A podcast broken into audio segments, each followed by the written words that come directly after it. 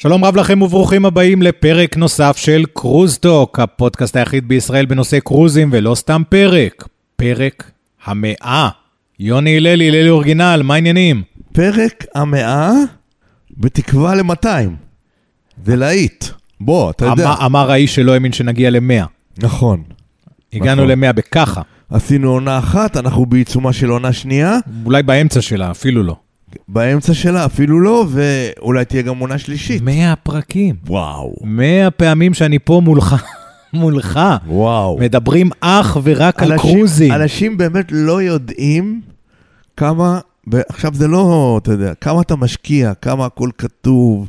אתה לא קורא אמנם, אתה מדבר חופשי, אבל כמה ראשי פרקים מוכנים, כמה זה מבעוד מועד. תחקירים, הכנת. תוכן. זה באמת אה, ראוי להערכה, כי אתה יודע, יש אנשים ששולטים בחומר ואומרים, כמו שאני ניגש לתוכנית ספורט, ואני לא כותב כלום לפני. אני המציאות זורמת אליך. נכון.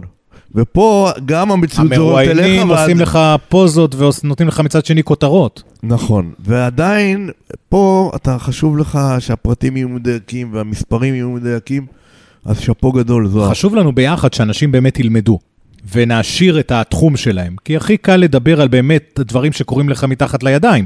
למשל, נכון. במקרה שלנו, אה, הקרוזים שיוצאים מחיפה, אז כל כך הרבה גורמים מעורבים בזה, ואם אתה נכון. רואה בזמן האחרון כתבות אה, בטלוויזיה, וכתבות בידיעות אחרונות, ובעיתונים אחרים, ובדה מרקר, וכולם מדברים על התופעה. ואנחנו רוצים להרחיב את זה, ואנחנו תמיד מרחיבים את זה, אפילו לשייט נהרות הבאת אותנו בלא מעט נכון, מהמאה ו- הפרקים וצ- האלה. וצריך להגיד שזה 100 פרקים כמו 300 פרקים. כן, זה אתה תמיד בוכה. נכון. כמה הפרקים ארוכים. נכון. אולי תכתבו לנו פעם אחת מי צודק פה ב- ב debate האינסופי בין יוני. אני טוען 12 דקות עד 15 דקות, אתה טוען 30. אני טוען. אני טוען כמה שיש. כי מה אני אומר? אני אומר, אם הבן אדם עכשיו היה לו רק 10-12 דקות זמן להאזין, והפרק דיבר אליו, הוא יחזור לשמוע את ההמשך, ואם לא, הוא גם אה, חמש דקות לא ישמע. הבנתי. טוב, אז אולי באמת יכתבו לנו. תכתבו לנו, מי צודק? מי צודק? יוני או זוהר? זוהר. בפרק המאה תזכרו, תשמעו אותו. דבר אחד הוא קונצנזוס השיר שלנו. בואו נשמע אותו ונתחיל את פרק המאה של קרוזטוק.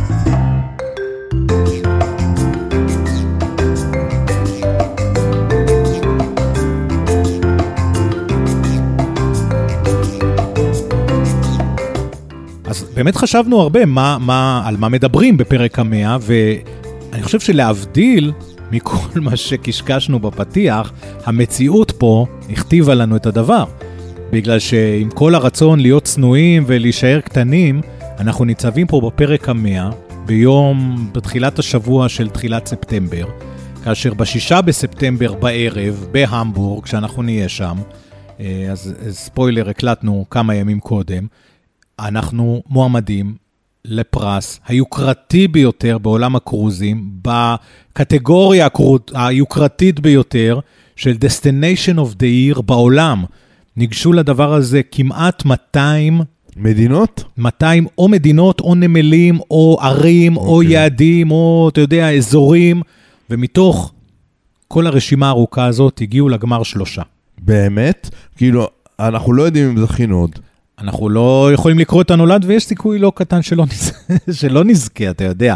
בכל זאת, אבל אין מקום שלישי, ערד. יש, כסף. יש, יש, יש, יש. אנחנו בשלישייה הראשונה, ואני חושב שזה ההישג הגדול. מי נוסע ל- לקבל את הפרס? עבדך הנאמן, יחד עם אה, לינדה וסקז, שמי אה, כן. שעוקב אחרינו באדיקות יודע שהיא אישה יקרה מטמפה שאנחנו מעסיקים ועוזרת לנו לקדם את הקרוזים בישראל, כמו שאולי אף אחד אחר בישראל לא עוזר לנו כמו אותה לינדה מטמפה, ואנחנו נהיה שם בהמבורג, ואם נזכה, נזכה, ואם uh, נהיה רק בשלישייה הפותחת, אז נחיה חיוך נחמד של uh, מפסידים. אגב, אנחנו שם uh, מתמודדים מול המבורג, שגם הטקס הוא בהמבורג, אז אולי כן, אבל... מטבע הדברים... מה, מה, מה המדדים? כאילו, זה המדינה, או הטרמינל, או הגישה, או הנמל, או הכל ביחד? מה המדד? שאלה מצוינת, כי ה- ה- ה- התחרות הזאת היא תחרות שנתית. זאת אומרת שכל שנה מגישים מועמדות, ולא כל שנה אתה מוצא צורך להגיש בכלל מועמדות, כי משהו מיוחד צריך לקרות בשנה הספציפית שאליה אתה ניגש. אוקיי, ומה זאת קרה אומרת, אצלנו? לא, זה לא תחרות, אני רק רוצה להעמיד את הדברים בפרופורציה, זה לא תחרות מה שלושת היעדים הטובים בעולם לקרוזים בכלל, אלא לשנה הזאת, לשנת 2023, בעצם לשנה שהתחילה באמצע 2022 ומסתיימת עכשיו באמצע 2023. שמה האיכות שלנו? של נמל חיפה? אני חושב שזה הגידול. אני חושב שאנחנו בחיפה, אנחנו היעד הצומח ביותר בעולם אחרי הקורונה. זאת אומרת, איפה היינו לפני הקורונה ואיפה אנחנו היום. תגיד, מישהו פעם עשה חישוב כמה ראש מכניס לנמל ראש תייר? לנמל אני חייב להגיד שלא מספיק, אבל, אבל למדינה בהחלט. כמה? לנמל, למדינה בהחלט. אנחנו מדברים על, על תייר שעולה אה, בחיפה אה, להפליג, והוא טס במיוחד לארץ בשביל אה, להפליג מחיפה, סדר גודל של 1,500 דולר לבן אדם. Mm-hmm. ובן אדם שמגיע רק לביקור בישראל, יום, יומיים, שלושה בנמלים, בחיפה ואשדוד, 190 יורו ליום. Mm-hmm. שזה לא מעט. זה לא מעט. תחשוב, אני כל פעם אומר לך, אה, אה, שתחשוב על אונייה גדולה של 3,000, 4,000, 5,000 נוסעים, שיש לנו הרבה בעונת הסתיו אה, הקרובה כאלה, עומדת ליד האונייה, עומדים, עומדים ליד האונייה משהו כמו 70-80 אוטובוסים, Mm-hmm. עם 70-80 נהגים, Mm-hmm. עם איזה מקום במדינת ישראל, בנצרת או בירושלים, שמחכה להם מלון עם איזה אלף פיות להאכיל, אה, ארוחת צהריים. אה, אה, מזכרות, קניות בדרך, דברים כאלה, משאירים פה לא מעט כסף, ואני אומר, שוב, למי שתקוע אי שם לפני 15-20 שנה ואומר לי, קרוזים זה צליינים, או קרוזים זה...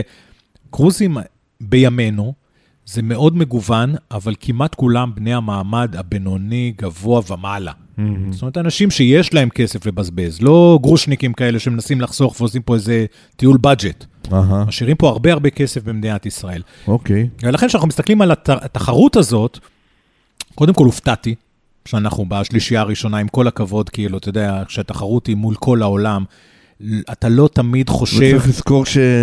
שהיה crisis עם, אה, עם הטרמינל.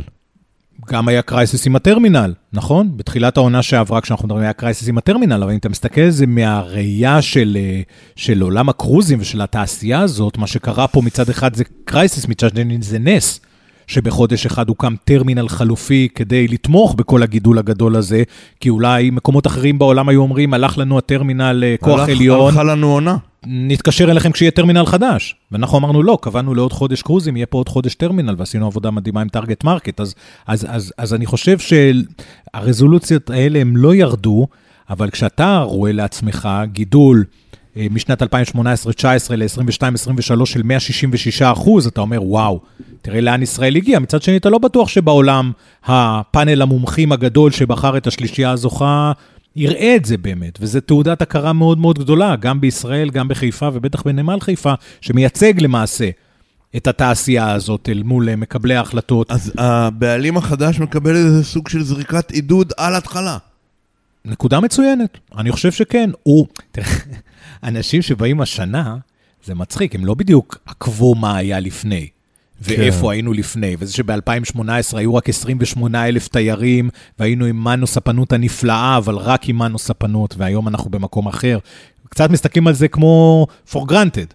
גם זה שפתאום צמח טרמינל ביום אחד, אבל אתה כן צודק שזה בהחלט רוח במפרשים. זאת אומרת, וצריך- להגיד, וכל ה- להגיד, קיבלנו ה- הכרה. הדבר הכי משמעותי ובולט בעיניי, זה שלא עשו שינויים בנמל. אותו נמל עכשיו קולט חמש-שש אוניות בשבוע, ואותו נמל קלט אונייה אחת או שתיים של מנו. כנ"ל גם על מדינת ישראל. גם נכון. מדינת ישראל עוד לא באמת הפנימה את הגידול הזה ואת הפוטנציאל לעתיד, כי זה משהו אחר לגמרי. שלא לתת לדבר על חיפה העיר, עיריית חיפה. חד וחלק, חיפה העיר, אזור הצפון. הזמ- הזמן עובר, אני ו- תמיד נותן דוגמה, דווקא היחידה שאיכשהו קלטה את זה זה עכו, שבהחלט צמחה מאוד ועוד תצמח עוד הרבה יותר, אבל ב- לירושלים זה קשה וזה מסות.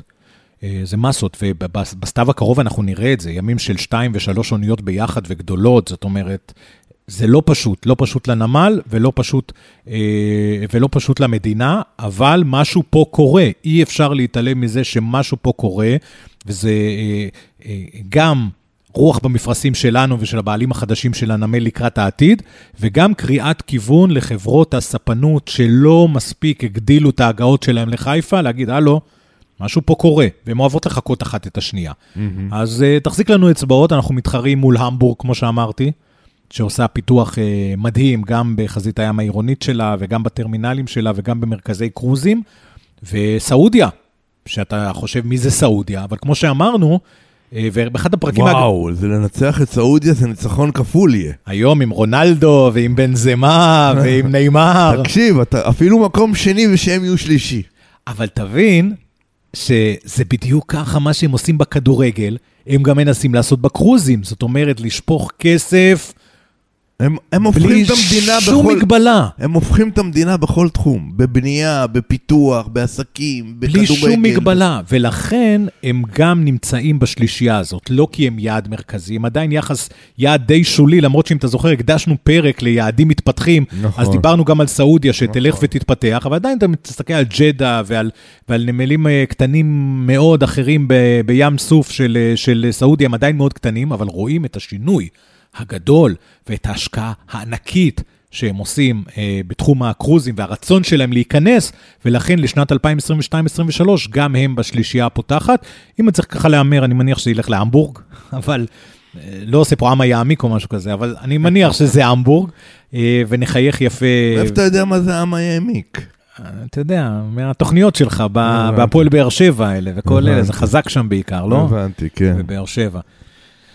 נראה, נראה, בהחלט מרגש, רק להיות, אה, לקבל את המייל הזה, אה, כמה ימים לפני שזה פורסם, חליפה? במועמד. אני עם חליפה עניבה? ועניבה. אני חייב תמונה. אה, אני אעשה תסרוקת יפה בקרחת גם. אני חייב תמונה. תקבל תמונה, אוקיי. תקבל תמונה, לינדה תצלם. לא, לא רוצה להגיד לך, אני הייתי כיועץ תקשורת, אה, צריך להיות שם בטקס, אבל זה נשאיר את זה לדיון אחר. הייתי אומר שניסיתי להשיג עוד כרטיסים ולא הצלחתי. הבנתי. יש לנו רק שני כרטיסים לא- לאירוע, כמו לכל אחד מה... אתה מה- רוצה להגיד לי. שאם אה, הבעלים החדש של נמל חיפה ירצה לבוא לטקס, אתה תגיד לו, יש רק שני כרטיסים? אם גאוטה מדני בכבודו ובעצמו ייקח את המטוס הפרטי שלו ממומבאי ויטוס להמבורג, אני אדאג לו. הבנתי. ואז גם לך אני אדאג. סגור. זה או שניכם או אף אחד. בוא נע- בוא נעבור ל... תתקדם, מה שנקרא, עם ה... זהו. המבורג הבנו, מיצינו. מה, אתה רוצה לעשות פרק שלם על המבורג? על הזכייה? אולי זכיתם ולכן אתה מר- מרחיב פה ואתה... יש לך את ה... או שאתה עושה בילדאפ ל... תקשיב, אם אתה, בוא, בוא נדבר פתוח, אוקיי? ככה. כך כמו שהמאזינים שלנו אוהבים. אם אתה עכשיו מוזמן לתחרות, ואתה אחד משלושה, והתחרות היא בהמבורג, והמבורג גם מועמדת, אז זה מכור. מה תגיד? מכור. אתה יודע, זה כמו משחק חוץ, ב... ש- משחק רגע. חוץ בצ'מפיונס. רגע, לא. מי קבע שהתחרות תהיה בהמבורג? ה- יש- מראש? יש כנס שנקרא C-Trade, אם אה, דיברנו עליו בעבר, אז יש... נכון. אה, יש- שהשתתפת פה. כן, הרבה פעמים. אז יש גם באסיה, אבל המרכזיים הם פעם אחת במיאמי, אה, באביב, ותמיד פעם אחת בסתיו, באזור ספטמבר, שנה אחת בהמבורג, שנה ביעד אחר בים התיכון. שנה בהמבורג, שנה בים התיכון. זאת אומרת, שהכנס הזה פעמיים בשנה ממילא, פעם, פעם בשנתיים ממילא, מתקיים בהמבורג. והמבורג בחרו השנה להגיש את בכנס? המועמדות. כמה משתתפים יש? אלפים. אז יהיה קונגרסים פה, תארח את הכנס הבא. אתה יודע מה? הרמת לי להנחתה לנושא הבא שלנו. אוקיי. שאמרתי, פרק המאה שווה לדבר עליו, כי בהחלט נדמה לי שאנחנו מגיעים לפרק המאה בקרוזטוק, ממש בנקודה כאילו מעניינת, ש, שאנחנו כאילו מסיימים פרק אחד בחיים של נמל חיפה והקרוזים ועוברים לפרק הבא, לכתוב את הפרק הבא. אז דבר אחד זה ההכרה העולמית, והדבר שני זה הטרמינל החדש. אז אנחנו עכשיו מתחילים לעבוד על טרמינל חדש, ואני כבר אמרתי למרי בונד, שהיא המארגנת של הכנסים האלה בעולם, כשיהיה טרמינל חדש, אני רוצה את הכנס אצלנו. בישראל. לא יודע אם הקונגרסים מתאים, זה, זה כנסים ענקיים. זה 3,000 מקומות, בטח שמתאים. אבל זו תערוכה ענקית עם מאות ביתנים מכל איפה- העולם. איפה יש לך יותר גדול? מה, בנייני האומה? איפה? לדעתי נאלץ לעשות את זה באקספו בתל אביב. אה, אתה לא יכול, אתה צריך להיות לויאלי לחיפה. זה בעיה. סמי עופר. אין לך. בסמי עופר, איפה אני אעמיד את כל ה... נחשוב על זה, אוקיי. נחשוב על זה. אבל בהחלט, אנחנו מכוונים לשם כי... בוא נסגור שאם תהיה אליפות רביעית ברציפות למכבי חיפה, יהיה גם הכנס שם. אפשר להוציא את ההתחייבות הזאת? אני אומר, אנחנו... איך אתה מתרגש שאומרים לך מכבי חיפה, אליפות רביעית? אפרופו פנטזיות, אתה כן. אומר. לא, תשמע, כמו, כמו שהגשנו, אתה לא מגיש מועמדות אה, לפרס כל שנה, אתה לא מגיש גם מועמדות לארח אירוע כל שנה, ואני חושב שהטריגר צריך להיות הטרמינל באמת החדש, שאנחנו עכשיו מתחילים לתכנן. כי אם רמזת מקודם שהיה קרייסס, לא רמזת, אמרת, וזה סיפור גדול. הרבה אנשים, אגב, שהיום מפליגים מנמל חיפה, לא מודעים בכלל שהם עוברים לטרמינל חלופי, כי הטרמינל הישן קרס. כן. שואלים מה קרה, למה השינוי, מה... אז, אז בהחלט בחרנו, וזו בשורה ענקית, את החברה הטובה ביותר בעולם בשביל לתכנן את הטרמינל הבא של נמל חיפה. אתה יודע, זה כמו שאתה אומר, אצטדיון כדורגל, אתה כל פעם זורק אותי לכדורגל. אז מי יבנה את סמי עופר? מי יבנה את הזה? אתה יודע, יש כל כך הרבה חברות. אתה יודע שעולמי צר כנמלה, וכל הדברים שאני מביא זה מכדורגל בסוף. אז יפה, אז לכן אני נותן לך את הד- את הדוגמה הזאת, ובקרוזים יש מעט מאוד חברות בעולם שמתמחות בלבנות טרמינל קרוזים. כי זה נראה דבר לא מורכב, אבל זה דבר א', מאוד מורכב, וב', מאוד מאוד ייחודי, לא דומה, לא לתחנת רכבת, לא לשדה תעופה, לא לכל דבר אחר שתנסה להשוות אליו. המורכבות שם היא אחרת והיא שונה וצריך בזה מומחיות. וחברת ברמלו אנג'מיל, ממיאמי, זו החברה ללא ספק הטובה ביותר בעולם בתכנון טרמינלים, בנו טרמינלים ענקיים במיאמי. ובגלווסטון בטקסס, ובמקומות נוספים בארצות הברית, ובסינגפור, ובניו יורק גם, אפרופו ארצות הברית. ממש, קונצנזוס שהם הטובים ביותר, והם יבנו את הטרמינל החדש של נמל חיפה, שאנחנו מאוד מאוד מקווים שייפתח בשנת 2027. הם אפילו היו פה בארץ בסיור ראשוני, הכירו את המקום, והם כבר על השרטוטים, וזה גם לעיר חיפה, אם ציינת מקודם, זו בשורה ענקית. וזה אחד הדברים שגם אנחנו נחפש תמיכה גדולה של עיריית חיפה בבניית טרמינל חדש, בגלל שכמו שאמרת מקודם, זה מכניס כל כך הרבה כסף, ויכול להכניס עוד כל כך הרבה יותר כסף, שתמיכה אה, וסיוע, אני לא מדבר כספי, אני מתכוון להאיץ את התהליכים, כי בכל זאת זה חתיכת מבנה לבנות. זה יהיה טרמינל, קודם כל זה הטרמינל הראשון שייבנה בישראל לקרוזים מהרגע הראשון כטרמינל. כי אני לא יודע אם אתה יודע, גם הטרמינל הישן בנמל חיפה שכבר לא פעיל, היה בנוי למה? היה מחסנים, שהמירו אותם לטרמינל, בדיוק כמו שאנחנו עשינו עכשיו עם הזמני, המרנו אותו, באשדוד אותו דבר, לקחו איזשהו האנגר ישן והמירו אותו לטרמינל. מה זה אומר ת- אה, מותאם? זה יהיו שרוולים עד לאונייה ולא... חד משמעית. תקשיב, מה, שרוולים שמתחת יוכלו לנסוע משאיות? לא. יהיו... משאיות אספקה, כן. כן. כן, כן, כן, יהיה, תקשיב, יהיה לאוטובוסים, יהיה למשאיות, יהיה חיבור ישיר לתחנת רכבת, יהיה חיבור ישיר יחס, יחסית לעיר, זאת אומרת, לא יורדים לקרקע של הנמל, נכנסים ישיר לאונייה מהטרמינל. חד משמעית. חד משמעית. וזה איכות חיים כבר. תראה, אני אומר תמיד, ה- בארצות הברית הם אומרים, קוראים לזה 10 minutes from car to bar. 10 דקות מהמכונית שלך עד לבר באונייה. אז אני אומר, אצלנו בת, בטרמינל רק איזה רבע שעה בדיוטי פרי, אז זה לא יהיה 10 דקות. כן. אבל אתה מבין את הרעיון, זאת אומרת, טרמינל קרוזים, להבדיל מ, אה, מטרמינל, אה, נגיד משדה תעופה, זה לא מקום שאתה שוהה בו הרבה זמן. המטרה היא שתשהה מינימום זמן ותעלה לאונייה. כי מה? כי קרוז זה לא... כן, זה אבל- לא אמצעי תחבורה, אתה מבין? זה הנופש שלך. זאת אומרת, כשאתה לא, נכנס לאונייה, אתה כבר בנופש שלך, אז הנופש למעשה צריך להתחיל בטרמינל. אתה לא יכול להיות בטרמינל נוסעים שעתיים, שעה. אגב, גם היום נוסעים, בדרך כלל, שמגיעים בשעות שאומרים להם, לא לוקח להם יותר מחצי שעה להגיע לאונייה. אנחנו רוצים עוד יותר מהר, עוד יותר קל, עוד יותר פשוט, עוד יותר נוח, עוד יותר נגיש, עוד יותר הכל. אני רואה את זה בעיניי, בעיני רוחי, כטרמינל הקרוזים הטוב ביותר בים התיכון. חד וחלק. ולשם צנוע. אנחנו מכוונים. לשם אנחנו מכוונים, בגלל זה לקחנו גם לתכנון את הטובים ביותר. וזה הולך להיות טרמינל גדול, אתה מבין? המבנה, שבעצם נמצא במרכז חזית הים, יהיה לו איזו צורה ארכיטקטונית יפה? אה, כשיהיה הדמיות ראשונות, אני מבטיח להראות לך ראשון. זה יהיה אוקיי. מרהיב. קודם כל, אנחנו מדברים על מבנה גדול של 30 אלף מטר רבוע. במיקום של הטרמינל ה- ה- הישן. הישן, שייהרס וייבנה חדש.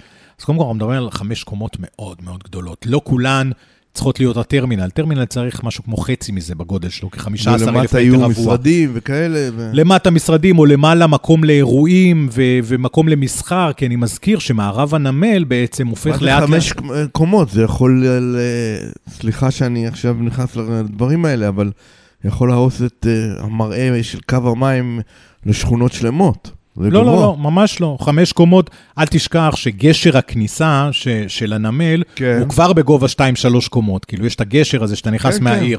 אז חלק מהקומות יהיו בכלל במקום שאתה לא יכול לראות, זאת אומרת, בחלק יותר נמוך. אוקיי. כלפי מעלה זה יעלה 2 או 3 קומות. זה לא, זה לא יסתיר אה, וזה לא יפגע, אה, אבל זה יוכל להכניס הכנסה גדולה מאוד לעיר חיפה, וגם אה, להיות מקור פעילות חשוב לנמל חיפה. וכמו שאמרתי, אנחנו סוגרים עכשיו פרק ראשון, פרק שני הוא כבר עם הפנים החזון לטרמינל זה החדש. שיהיה מרחק הליכה רגלי מ- לשדרות בן גוריון. בוודאות. שלא עכשיו יתחיל ומהרכ- לקחת את האוטו ולחפש מונית. ומהרכבת, ואם תרצה חניה, תהיה לך חניה, ואם תרצה drop-off שיורידו אותך ממש בכניסה לטרמינל, יורידו אותך ממש בכניסה לטרמינל, הכל יהיה מאוד מאוד פשוט ונוח. זה בדיוק, אה, זו, זו בדיוק התוכנית, אני בטוח שזה, יחד עם, ה, עם הפוטנציאל שאנחנו רואים עכשיו, עם הביקוש שיש עכשיו, זה יעלה גם רמה אחת למעלה, גם נוכל להביא כמובן אוניות יותר גדולות. כי היום להחליף אונייה של מעל נגיד 2,500 נוסעים, זה סיפור מורכב. מזכיר לך שאנשים בלי מגבלה לקרוזים, אה, מבחינת משקל, יכולים להביא מזוודה, שתיים. תחשוב מה זה להחליף 4,000 נוסעים יורדים, 4,000 נוסעים עולים, 8,000 מזוודות או יורדות, 8,000 מזוודות עולות. אתה צריך איזשהו, אה, אה, והצ'ק-אין יהיה הרבה יותר מהיר. אנחנו נפרט את זה ככל שהסיפור יתקדם. אמרת, יש לנו 200 פרקים, לא? אז יהיה לנו זמן לדבר על זה, אבל אני חושב שוב שאנחנו מגיעים פה לפרק המאה עם, עם, עם, עם שתי גולות כותרת מאוד רציניות. אחת זה התחרות הזאת, והדימן שעולה, והביקוש שעולה, והאוניות, והשני זה המהלך הגדול, כמו שאתה אמרת, הראשון אחרי ההפרטה של חברת נמל חיפה, שהוא אישור בניית הטרמינל החדש. מדהים, בואו נתקדם, פרק המאה, בואו נחגוג אותו. איך אנחנו חוגגים אותו? אתה המלצת. נכון? אתה המלצת, אמרת תביא לא, אני המלצתי בתנאי שיהיה פרק 200. אין לי, אין לי התחייבות ממך עדיין לפרק 200. יש התחייבות, למה? עכשיו אני חותם לך. סגור. אה, קטן עלינו. קטן עלינו. מה אתה רוצה, לבחור את הפרקים האהובים עלינו? אני רוצה לבחור את עשרת הפרקים שהכי אהבנו, בכל העונה וחצי עד עכשיו. ואל תגיד לי שבחרת מכל עשר אחד. לא, או? ממש לא. לא, ממש הסתכלנו על הרשימה ואמרנו מה הנושאים, מצד אחד שהיו הכי כיפים, ומצד שני שעדיין, גם היום, בספטמבר 2023, גם אם הם היו כבר לפני שנה, שווה לחזור אליהם ולהאזין להם, כי כן. הם רלוונטיים. הראשון אה, הוא הפרק על קושדסי. רגע, רגע, שנייה. נעשה את זה מהר, כי אתה אומר לי פרקים קצרים, ואנחנו לא, כבר לא, על 20 דקות. לא, זה פרק המאה, אפשר לחרוג טיפה.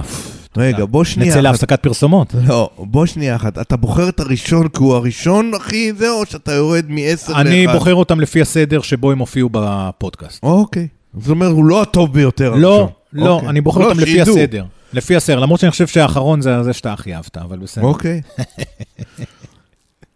הראשון שבחרתי קושדסי. התלבטנו אם להגיד קושדסי, קושדסי, עשינו פרק על קושדסי. א', עם גבי זוהר, לא? לא, זה עשינו עם uh, גילי חסקין. נכון, נכון. מורה הדרך גילי חסקין, נכון, דוקטור גילי נכון. חסקין. גם דוקטור, כולם דוקטורים, כל, ה... כל המורי דרך האלה דוקטורים. מה יש להם לעשות? הם נושאים מפליגים. מתי הם מספיקים לעשות את הדוקטורט עם כל הזמן? בלילה, הם עושים את העבודות, מה אתה חושב? מה... הם לומדים על ה... טוב, לא מנתחי מוח, אתה יודע, לא. דוקטורים. אבל ללא אה, ספק דוקטורים למקומות מדהימים. ועשינו את הפרק הזה עם חסקין על קושדסי, א', בגלל שזה גם יעד מאוד מאוד צומח, ב', כי להפלגות מחיפה אפשר להגיע לקושדסי, גם כיום עם רויאל קריביאן ובזמנו, וגם היום עם MSC, mm-hmm. וגם כי יש את אפסוס, שזה עיר הלניסטית שנשמרה באופן מדהים, שנמצאת חצי שעה נסיעה משם מעבר לכל מה שאפשר לקנות שם. אז אם אתם רוצים, קושדסי פרק מספר 7. מדהים. פרק מספר 9, לעבוד באוניות של רויאל קריביאן. חבר'ה, זה רלוונטי. ומושיקו, שהתארח כאן וסיפר איך אפשר לעבוד באוניות של רויאל קריביאן, היום גם משמש כמי שנותן את ה... אה, מביא את הכוח אדם לאוניות של וירג'ין, שזה גם חברה מדהימה שתופיע בהמשך, ה... בהמשך הסקירה שלנו כאן. אה, אם אתם, מישהו מהמשפחה שלכם, ילדים, בני דודים, אחיינים, חושבים על לעבוד באוניות, שזה חוויה לכל החיים, אני מבטיח, ליוצאי צבא קרביים, זה הפרק שאתם צריכים להקשיב לו. לעבוד באוניות של רויאל קריביאן, פרק מספר 9. קושדסי אמרת, נכון? פרק 7. כן, אוקיי. האונייה שלום. הלכנו. קצת להיסטוריה, אמרנו, אנחנו אוהבים להרחיב את הדעת. האונייה, סיפורה של האונייה שלום, האונייה של צים, אוניית הנוסעים. זה אחלה פרק, באמת. הגרנדיוזית וגם רוויית הסקנדלים. הרבה סקנדלים היו שם. פרק מספר 18. חבר שלנו, ג'יימס ון פליט, המטאורולוג של רויאל קריביאן, ספוילר לשעבר, הוא, הוא עבר מתפקידו. כבר אין מטאורולוג ראשי לרויאל קריביאן, ומה שמצחיק זה שג'יימס ון פליט הסביר לנו בפרק מספר 26 למה צריך מטאורולוג ראשי. ולמה הוא עבר, או מה, החליטו שהם לא צריכים מטאורולוג? החליטו שלא צריכים מטאורולוג. שהכל יש בטלפון היום? שיש להם מספיק. ואז מה קרה שבוע אחרי? מה? אחת האוניות שלהם אה, נקלעה לאיזה סערה מטורפת, והאינסטגרם התמלא בתמונות של, אה, של אה, הסיפון מתעופף באוויר. כמה? ממש שבוע, שבוע אחרי שהוא פוטר. רויאל, מה קורה? ג'יימס ון פליט, פרק 26. למה, למנו ספנות יש מטאורולוג? לא, למנו ספנות אין מטאורולוג, אבל ההבדל הגדול בין רויאל קריביאן למנו ספנות א' זה שמנו ספנות מפליגים כאן בביצה שלנו במזרח הים התיכון. בשביל מזרח הים התיכון לא צריך מטאורולוג. אין את התופעות המטורפות שיש באוקיינוסים ויש בפלורידה ובמקומות אה, טרופיים וברחבי העולם ובאנטארקטיקה. רויאל קריביאן משגר אוניות לכל העולם ויש מקומות שאתה חייב מטאורולוג, שמזג האוויר הוא מטורף ובלתי צפוי. אני חושב שמזרח הים התיכון... מעבר לזה שמנו ספנות מכירים אותו כל כך טוב, זה גם אזור רגוע יותר. ולדאוג לאונייה אחת זה לא כמו לדאוג ל-26 אוניות של רואל קריביאן שמפליגות ברחבי העולם. והוא נותן שם דברים מטורפים, לא רק על למה צריך אותו, אלא איפה, איפה הכי סוער, ועל המנטליות השונה אה, של אה, אזרחים עם לאומים שונים במצבי ים שונים. זה פרק חובה 26. חובה. אוקיי, המטאורולוג. גבי זוהר. גבי זוהר לקח אותנו לכל כך הרבה מקומות, אבל המקום שהכי יצאתי ממנו עם טעם שלא הייתי שם ואני חייב לטוס כבר, זה סרדיניה. מסכן, יאללה, מילה חייב לטוס כבר. חייב לטוס. אמרתי גם לאשתי, חייבים סרדיניה. הוא נתן לנו את קורסיקה ואז נתן לנו את סרדיניה, כאילו. פרק 57. חבר'ה, תקשיבו וישר תזמינו טיסה עם קונקשן לסרדיניה. משהו. לא, למה אני אומר את זה? כי... כן, אני זוכר את הפרק הזה. אנחנו מכירים מלא איים בים התיכון. יש איים שהיינו בהם שלוש-ארבע פעמים, תגיד רודוס, תגיד כרתים, תגיד ים אגאי, כולנו מכירים. יש את האיים שפלמה דה מיורקה אפילו, המון היו. נכון. אבל יש איים שככה נשכחו קצת מעין, בעיקר כי אין להם טיסות אה, ישירות. ישירות, זה סרדיניה, קורסיקה וכאלה. דיברנו על סיציליה גם, שסיציליה כן יש טיסות, אז אה, יותר מוכרת. תקשיבו, סרדיניה, סיציליה, אני בחרתי את סרדיניה. אוקיי. אנטארקטיקה. זה הבחירה הבאה. כן, פרק 64. סרדיניה 57, נכון? כן, אם היינו ביחסית בקרוב 57 סרדיניה, בואו נלך לאנטארקטיקה. תקשיבו לפרק 64, אנטארקטיקה. משהו, תשמע, אם, אם תשים... היית קרוב. הייתי, כן, הקשבתי לפרק הזה עוד פעם ונתתי למשפחה להקשיב לו כשהיינו בניו זילנד. שזה... מרחק יריקה. יחסית, יש הפלגות מניו זילנד לאנטארקטיקה ומאושוויה, שבארץ האש בארגנטינה. דיברנו גם על זה וגם על זה וגם על כאלה שיוצאות מאושוויה ומגיעות לניו זילנד ועוצרות, נכון. ועוברות uh, חצי נכון. אנטארקטיקה בדרך, נכון. עם כל מה שאפשר למצוא שם, חבל על הזמן. אירחנו כאן בפרק 79 את מאיר זילברמן, מהכל הקרוז. אה, אתה יודע, קצת על המנטליות על הישראל, הישראלית ועל איך שהקרוזים תופסים את הרשת באינסוף קבוצות, אני רואה את זה בוואטסאפ עכשיו, קבוצות של רויאל קריביאן, של MSC, בלי סוף. אז הכל הקרוז אה, אה, היא הקהילה שאיתה אנחנו עושים את שיתופי הפעולה שלנו בפייסבוק. מאיר זילברמן עם המון המון תובנות. צריך למצוא הזדמנות לארח אותו שוב. חובה, מאיר, אתה שומע אותנו. כן. פתח יומן. אחד הפרק, הפרקים שקיבלתי עליהם הכי הרבה תגובות... ברור, תמיד אנחנו אוהבים תחרויות. זה, לא, דווקא עשרת הטרנדים. אה, אוקיי. עשרת הטרנדים. אתה זוכר שעשינו עשרת הטרנדים כן. לשנת 23. כן, כן. מה מיוחד בשנת 23, איך היא מושפעת מאחרי קורונה. הקורונה, ומה מיוחד ומה יוצא דופן, הרבה דברים שאנשים לא חושבים עליהם. דברים מאוד מאוד מיוחדים, כמו למשל, למה פתאום ההפלגות יותר ארוכות, ואיך משלבים עבודה עם, עם הפלגה, משהו שווה, עשרת הטרנדים הכי חמים אה, בעולם הקרוזים לשנת 2023, בפרק 83. אני מזכיר לך שעשינו, אה, אנחנו באמצע סדרה, מיני סדרה כזאת בפודקאסט של הכירו את חברות הקרוזים שאתם פחות מכירים. Mm-hmm. אז אחד הפרקים שאני ממליץ עליהם זה שעשינו על וירג'ין וויג'ס. החברה של ריצ'רד ברנסון, השוודי. כן, ה... כן. אגב, טסתי עם, אה, עם וירג'ין אטלנטיק ללונדון לא מזמן. גם, היה אחלה. כן? בחור יודע את העבודה, יודע לתת משהו מיוחד במותגים שלו, אז בטח בווירג'ין וויאג'ס, אה, אה, אגב, הקדשתי את הפרק הזה לבת שלי, טל, הגדולה, כי אפרופו מה שאמרנו מקודם, היא רוצה להשתחרר ולעבוד שם בווירג'ין וויאג'ס. כן, אמרתי. זה החלום שלה, להשתחרר. בעיה, אבא יש לו קשרים, לא? דבר עם מושיקו מפרק 9, כן. יהיה בסדר. אז מי שרוצה להכיר את וירג'ין וויאג'ס, אני חושב שזו חברה שיכולה להתאים להמון המון ישראלים, אני מזכיר, זה ללא ילדים, הפלגות ללא ילדים. פרק 92. פרק 92. ואחרון, שאמרתי שאתה תאהב, אחי, שייט על הנילוס. כמה חיכינו לפרק הזה. הרצח על הנילוס. כמה הבטחתי לך, אתה שהכנסת אותנו לטירוף הזה של ה... שייט נהרות. של השייט נהרות, ולקחת אותנו ל... ל... ל... ל...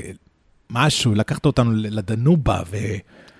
שמה כל ה- ולסיין, ו- ודיברנו אפילו, אם אתה זוכר, על שייט נהרות במזרח שאתה אסיה. חונה במח- בהוגן וישר... יורד- to side. כן, ישר לאדמה. אני זוכר, עם הג'קוזי, שאתה כן. בסיין, יושב בג'קוזי, בקומה העליונה. נכון. גבי זוהר תיאר מאוד מאוד יפה באחד הפרקים מה מיוחד בספינות ה- עכשיו בספינות לא הנהר. מזמן הוא חזר מ... ונוסע שוב. כנראה, כן. הוא היה צריך להיות פה שבוע שעבר, הוא אמר לי, אני מצטער, אני... אבל הוא לא יכול להתחרות בך. יכול בעודך. לא, אתה... אני מזכיר לך שהוא הכניס אותי לטלוויזיה, אתה יודע, כשהייתי צעיר עם שערות, בדיוק השבוע ראינו איזה, ב, ראינו איזה קטע וידאו של זה שאבא שלי הראה. אבא, כמה שיער יש לך? אומרת הילדה הקטנה שלי, כמה שיער יש לך? ואז הסתכלתי, אמרתי, תשמע, הבחור הזה לא מגיש משהו, זה היה בתחילת הדרך. כן, אבל הרבה. שיער היה. הרבה שיער היה, וגבי זוהר האיש שהכניס אותי לטלוויזיה. פעם הראשונה. היה הורים ואטומים. כן, הוא אמר, "אה, הילד הזה רק ישתחרר מהצבא, יהיה פה כמה לו. חודשים נראה ויעלם. טוב, הוא נראה טוב. זה אני לא חושב שהוא אמר. אני, אני, אני זוכר איך נראית. אה, היו ימים, היו ימים. היו ימים. עשיתי שביל בפוני. אז הבטחתי לך הרבה זמן שייט על הנילוס, ולא היה קל למצוא מומחית, מומחה או מומחית מספיק גדולים, כי גבי בעוונותיו לא מתמחה בשייט על הנילוס, עד שמצאנו את איריס בר, הנפלאה מבשביל הזהב, שלקחה אותנו לפרק תרבותי, חווייתי. היא לא הבטיחה לחזור אלינו? היא חוזרת אלינו עוד מעט בפרק נוסף, אוקיי. ותחזור עוד. יפה. ותחזור עוד. היא באמת אלופה נכון. בשייט נערות בכל מיני מקומות, אבל התחלנו איתה בנילוס, פרק 98. לא מזמן, אותו, מה זה בלא מזמן? לפני שני, שני פרקים. פרקים. אתה אתם רואה? לא צריכים לגולל אחורה אפילו. בסדר, מ-7 עד 98, נתנו את כל הפר... עשרת הפרקים. ה- לא שאחרים רעים, אבל אלה... תתחילו באלה, בדיוק. משם תמשיכו. איפה אנחנו ברשימת הפודקאסטים בישראל? אתה בדקת פעם? הכי טובים. כן? תלוי איך אתה מודד. אני מודה, זה הכי טובים, ליד מאקו נגיד. הכי מעניינים. בוודאי לא הכי מואזנים, בגלל שבכל זאת זה איזושהי נישה. אה, זה לא הספורט ולא ה... אבל תרבות. בהחלט, בהחלט אנחנו מה זה שמחים על כל התגובות שאנחנו מקבלים כל הזמן. זה, זה מלא מחמם את תגובות. הלב, מחמם את הלב. ואם אתה, אם אתה מכווין אותי, באמת רוצה עוד 100 פרקים? כן. יש, יש על זה דיבור, זה רציני? כן? אני רוצה לתת לך שלושה פרקים לפני שאנחנו מסיימים, שאנחנו... שאני חולם לעשות במאה הבאים. הנה, מקשים לך את ה... אה, מקשים לך אותו. מקשים לי? כן. זה לא דברים קלים. בוא נראה. אתה מארגן, אני מארגן. אתה מארגן. אתה בטוח. לא, לא בטוח. אני לא יודע מה, אבל זה שאתה שואל אותי את השאלות זה האלה... לא פרק על אונייה בנמל חיפה. לא יודע, אני מארגן מבחינה לוגיסטית, לא מבחינת תשלום. לא, לא תשלום, לוגיסטית. לוגיסטית עליי. לוגיסטית. לוגיסטית לוגיסטית. עליי, עם האנגלית עזוב המקצועית כסף. שלי. כן, יאללה? כן. פרק ראשון. אני רוצה, אני ואתה, בפרק לייב על אונייה שחוצה את האוקיינוס האטלנטי, רצוי שזאת תהיה הקווין מרי 2 של קונארד. אונייה כזאת, טיטניק style, רק הרבה יותר גדולה. שישה ימים בלב ים, בסערות, ב...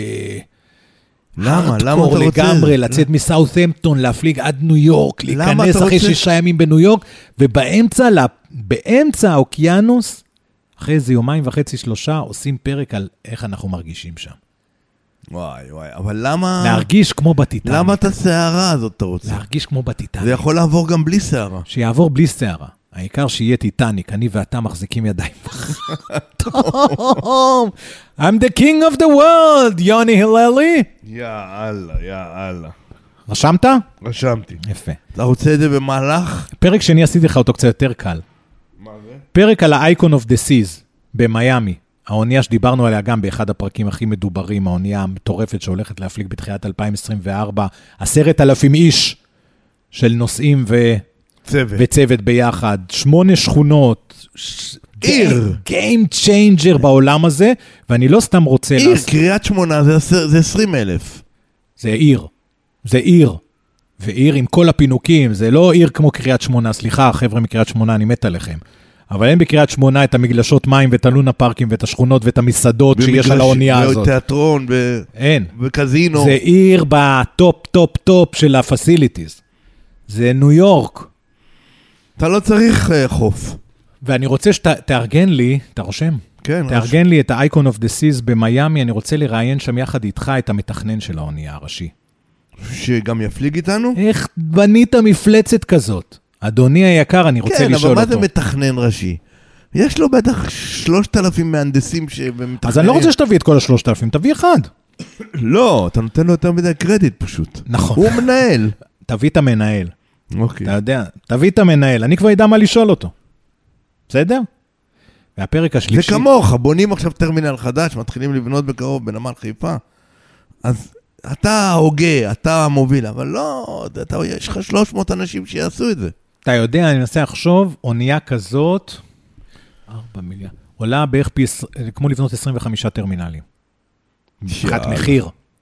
מבחינת מחיר, לבנות את ה-Icon of the Sea זה בערך כמו לבנות 25 טרמינלים שנמל חיפה הולך לבנות. אז רגע. הבעלות על הנדל"ן תהיה של נמל חיפה? כן, כל החמש קומות? כן, בוודאי. אתה יודע, לנמל חיפה יש זיכיון להפעלת הטרמינלים אה, בנמל חיפה עד 2054, אז לפחות עד 2054, כמה פרקים נעשה עד אז? וואי וואי. יעשו כבר עלינו פרקים. עליי בטוח. איך הם דיברו פעם שהיה לו שיער והיה לו קרחת, איפה הוא היה? כן, והפרק השלישי שאני רוצה לעשות במאה הבאים זה לראיין את מיקי אריסון. סבבה? אפשר גם על המיאמי היט.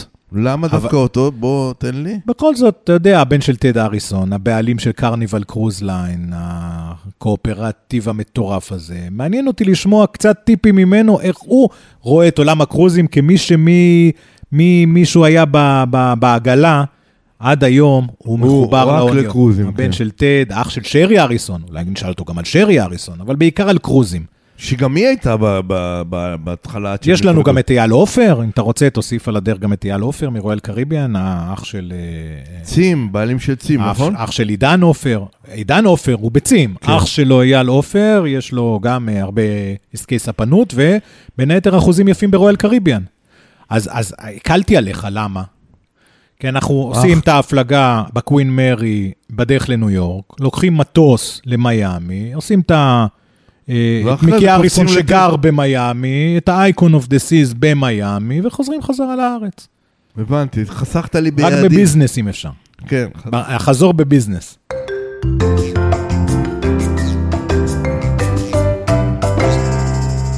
זהו, יוני, פרק המאה. מי היה מאמין? 100 פרקים מאחרינו. מאה הבאים לפנינו. יאללה, תשמע, תודה מיוחדת לך. תודה על לך על ש- כל הליווי אתה הזה. יודע, אני למדתי המון, בכל פרק אני לומד, באמת, כל פרק אני לומד. גם ידע שלך הוא ידע עצום. אנשים פשוט לא מבינים כמה... תראה מה אומר השעון, כמה ארוך הפרק. יא- לא, לא, תוריד קצת אה, שלוש דקות כזה ברוטו, ואתה עדיין, ב... אתה עדיין סביר. אני מרשה לכם להקשיב לזה בשלושה חלקים, העיקר שתגידו שאני צודק. פרקים ארוכים זה אחלה. אה, גם, תצביעו באמת, מה הייתם מעדיפים? תצביעו ותשפיעו. בדיוק. רגע, זה ישפיע? נגיד אם מתוך 180 יגידו, אני רוצה פרק של 12 דקות? אם זה יהיה המצב, אז חד משמעית לא. יוני הללי, המלך, הללי אורגינל. תודה רבה לך, תודה. תודה רבה לכם שאתם מאזינים לנו ומשתפים אותנו בדעות שלכם. אנחנו תמיד אוהבים את הרעיונות שלכם, שיהיו לנו עוד 100 פרקים מוצלחים. עד כאן אנחנו, שתהיה לכם הפלגה נעימה. ביי ביי.